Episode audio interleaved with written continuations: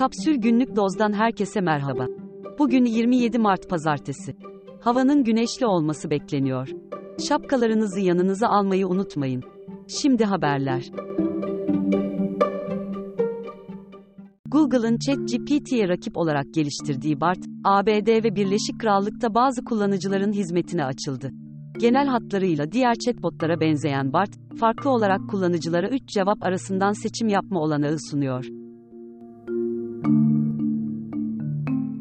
Kişisel Verileri Koruma Kurulu, Meta ve WhatsApp'ın veri sorumluları siciline kayıt yükümlülüğü bulunmasına rağmen, bu yükümlülüğü verilen sürede yerine getirmediği gerekçesiyle, iki şirkete 2 milyon 665 biner lira idari para cezası verdi.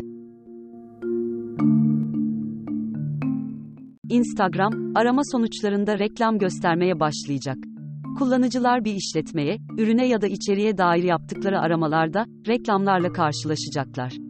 Aynı zamanda hatırlatma reklamları aracılığıyla işletmelerin, kullanıcılarla bir etkinlikle ilgili bildirimler paylaşmalarına izin verilecek.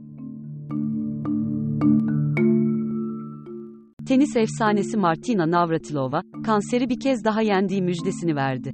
Gırtlak ve göğüs kanseri teşhisi konulan 66 yaşındaki Navratilova, bir sonraki Noel'i göremeyeceğim için büyük panik yaşıyordum dedi. Hatay'da, Cumhurbaşkanı Erdoğan tarafından temeli atıldığı gösterilen deprem konutları ve devlet hastaneleri için çimento dökülen yerde, inşaat çalışması olmadığı ortaya çıktı. Hatay Yeni Devlet Hastanesi'nin temelinin kaldırıldığı görüldü.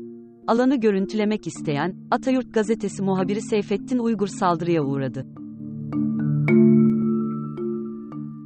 Ayla Enerji ve Mühendislik Hizmetleri şirketinin şartlı bağışla Kızılay üzerinden Ensar Vakfı'na 985 bin dolar aktardığı, Kızılay'ın da işlemden 15 bin dolar komisyon aldığı ortaya çıktı.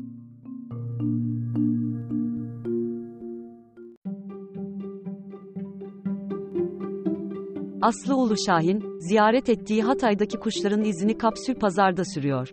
Yazıya, Yaşar Kemal'in kitabından pasajlarda eşlik ediyor. Okumak için kapsul.com.tr adresini ziyaret etmeyi unutmayın.